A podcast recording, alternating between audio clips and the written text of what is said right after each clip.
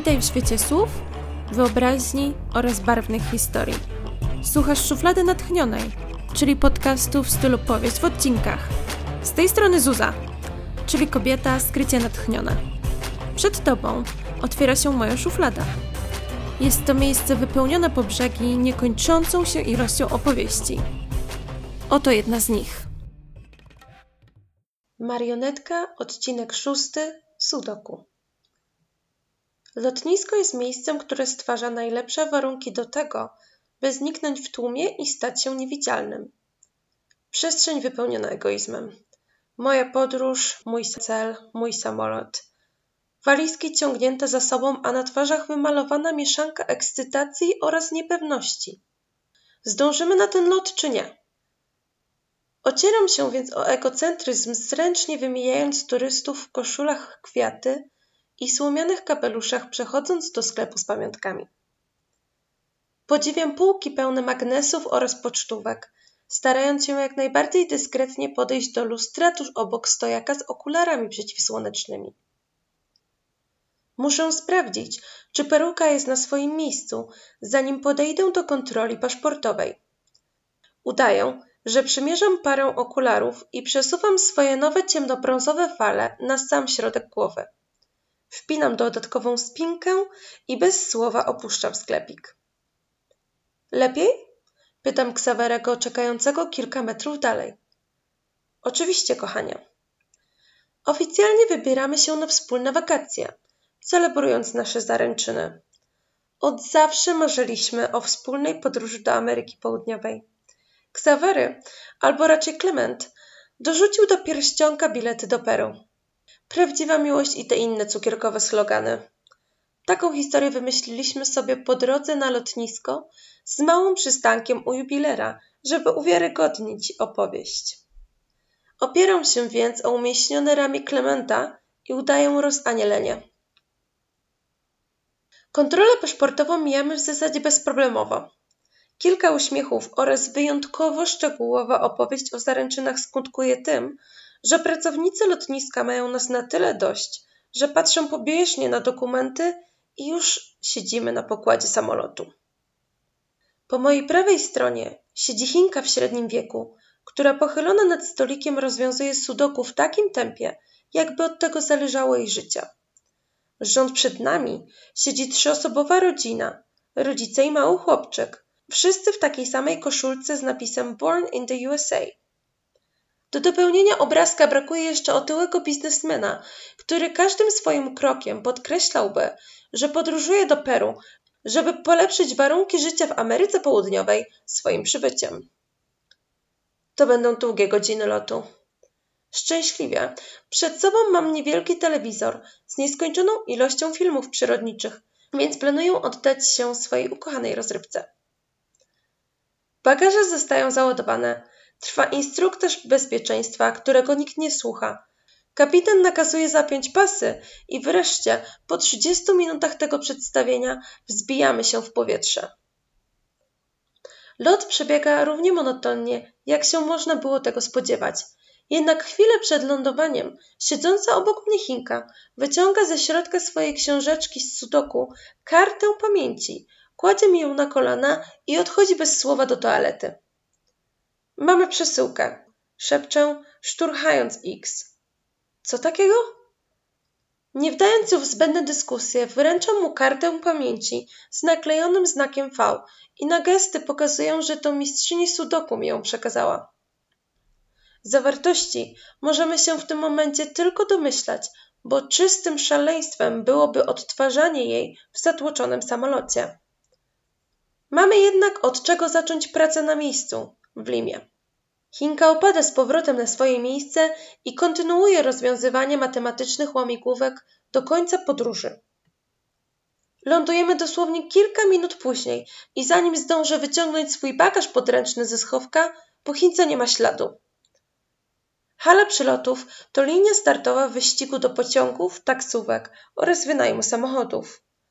Jednak posiadanie idealnie ułożonej fryzury i odpowiedni strój wystarczą, żeby już na starcie wygrać tę rywalizację. Dokąd ślicznotkę zabrać? Pyta po hiszpańsku kierowca taksówki, wysyłając mi szeroki, bezzębny uśmiech. Jego uśmiech jednak blednie, gdy drugie drzwi od strony pasażera otwierają się i wsiada Ksawery. Los Incas Lima Hotel, mówi. Przejażdżka trwa kilkanaście minut, które spędzamy w ciszy, wpatrując się w krajobraz miasta. Mijamy ulicznych artystów, próbujących sprzedać swoje rękodzieło. Tłumy ludzi próbują dostać się do pracy czy szkoły, a pomiędzy nimi mniejsze gromady turystów z wirtualnymi mapami w rękach. Miasto cuchnie ciężką pracą i dobrym jedzeniem. Mam wrażenie, że szybko się tutaj odnajdę. Stajemy pod ekskluzywnym hotelem i płacimy taksówkarzowi zdecydowanie więcej niż powinniśmy. Następnym razem zamówimy Ubera. Taksówki tutaj są jednym z najczęściej wybieranych miejsc przez złodziei czających się na turystów. Wiem, dlatego ukradłam jego telefon. Macham X przed twarzą zupełnie nowym smartfonem, lepszym od tego, który posiadam we własnej torebce. Nie lubię, jak ktoś mówi do mnie ślicznotko, a ten telefon jest zdecydowanie za drogi jak na uczciwego taksówkarza. Wyrzucam drogą zabawkę taksówkarza do kosza przy wejściu hotelowym, wcześniej wyciągając i przydeptując butem kartę SIM. Chwytamy się za ręce i przy recepcji moje oczy krzyczą miłością na pana delikatnie stukającego w klawiaturę komputera. Zostawiam Ksawerego w roli krementa, żeby załatwił wszystkie formalności, a sama rozglądam się po hotelu. Szukam kamer, przejść, których moglibyśmy użyć, żeby wyjść niepostrzeżenie, kiedy nadejdzie taka potrzeba. Wygląda to jak standardowy hotel nastawiony na turystów z Europy. Stonowane ale wszechobecne dekoracje, bar z kolorowymi drinkami, basen i spa dla tych, którzy nie zamierzają opuszczać hotelu oraz restauracja, która właśnie wydaje śniadania. Nasz pokój znajduje się na czwartym piętrze. Recepcjonista zapowiedział pokój jako nasz najlepszy apartament dla par, co oznacza, że mamy widok na miasto, a nie na hotel obok. Wchodząc do środka, od razu zauważam problem. Jedno łóżko. Nie, żebym nigdy pościeli z mężczyzną nie dzieliła, ale nie mam takich doświadczeń z facetami, których znam dłużej niż dzień.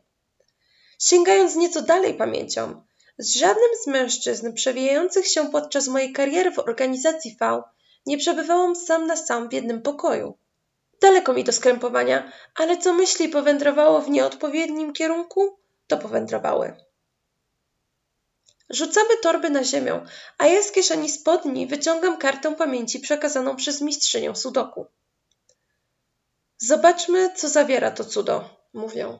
Wkładam delikatnie nośnik pamięci do odpowiedniego portu w telewizorze. Tym razem nie wyświetlają się jednak żadne zdjęcia i nie słyszymy nagrania głosowego. Zbyt proste. Wyciągam kartę i próbuję drugi raz. Nadal nic. Ten sposób nie odczytasz danych. Nośniki pamięci należące do V działają tylko w połączeniu z urządzeniem deszyfrującym. Nie mogłaś mi tego powiedzieć, zanim zaczęłam grzebać w tym durnym telewizorze? Pytam odrobinę za głośno. Chciałam się upewnić, że ta chinka nie była podstawiona przez kogoś innego. Okej, okay, rozumiem, ale następnym razem wtajemnicz mnie w swoje zamiary. Mamy sobie ufać. Zgoda, odpowiada, jednocześnie wyciągając ze swojej torby podróżnej urządzenie łudząco przypominające tablet, gdyby nie maleńkie logo V w lewym dolnym rogu. Podają kartę Xaveremu. Oboje stajemy nad tabletem, kiedy ukazuje się folder z kilkoma dokumentami w środku. Są to miejsce odbioru broni z mapą wraz z dokładnymi wskazówkami dojazdu oraz protokołem bezpieczeństwa. Lista lokalnych kontaktów wraz z imionami trzech innych agentów, którzy zostali przydzieleni do innych zadań w Ameryce Południowej i w razie problemów mogą służyć swego rodzaju ograniczoną, ale jednak pomocą. Lokalizacja jednej z kryjówek V, przygotowana już na dostarczenie enigmatycznej kobiety, w której znajduje się pokój przesłuchań i tymczasowa cela. Przed odczytaniem ostatniego dokumentu Ksawery na chwilę się zatrzymuje, podnosi wzrok i patrzy mi prosto w oczy. Nie wiedząc, co ze sobą zrobić, odwzajemniam spojrzenie. Zanim jednak dokonam w pełni analizy jego przenikliwych, piwnych oczu, X przechodzi obok mnie, przeciąga się leniwie, ściąga marynarkę i kładzie ją na replice peruwiańskiej rzeźby Elbeso. Otwieram dokument tekstowy na tablecie i wystukuję pytanie. Podsłuch? Kamera, odpisuję. Pracownicy hotelu szpiekują własnych gości. No kto by pomyślał. Ostatni dokument to oficjalny plakat jutrzejszej gali charytatywnej, gdzie śmietanka Peru będzie wznosić do Asty za zdrowie uchodźców mieszkających w skrajnej nędzy na obrzeżach Limy. Podczas tej wzniosłej uroczystości ma odbyć się również negocjacja umów na handel bronią pomiędzy przedstawicielami lokalnego gangu a ich szefostwem działającym na co dzień w Brazylii. Agent Greenwood powinien być zainteresowany taką imprezą. Najpierw jednak musimy odebrać kilka śmiercionośnych zabawek. Przebieramy się w świeżą, lecz równie turystyczną odzież i ruszamy na miasto w poszukiwaniu lokalnych atrakcji i dwóch pistoletów. W tym celu umieszczamy się kilka przecznic od hotelu i siadamy w restauracji. Zamawiamy dwa razy specjalność lokalu ceviche, nie przejmując się poranną porą. Jedząc, obserwujemy fasadę małego sklepu z antykami. Od pół godziny nikt nie wszedł ani nie opuścił tego miejsca. Z braku powodu do zmartwień przymierzamy więc ulicę i wchodzimy do środka, zaciągając się powietrzem pełnym kurzu.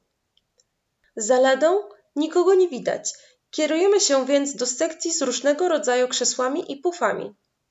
Znajdujemy szczegółowo opisaną w dokumentach pufę obitą czerwoną skórą, a po jej prawej stronie wyczuwam mikroskopijny czytnik linii papilarnych otwierający sejf znajdujący się wewnątrz mebla. W momencie, gdy słyszę, jak zamek otwiera się, oknach bezszelestnie opadają kraty, a stare drewniane drzwi od wewnątrz zasłania metalowa płachta. Jesteśmy w pułapce. Alex i jej historia powrócą w następnym odcinku. W wolnym czasie możesz zajrzeć do środka szuflady na Facebooku lub Instagramie, gdzie będą pojawiały się transkrypty odcinków podcastu oraz dodatkowe informacje. Daj znać, co sądzisz o poczynaniach agentki A, komentując jej losy online. Bez odbioru.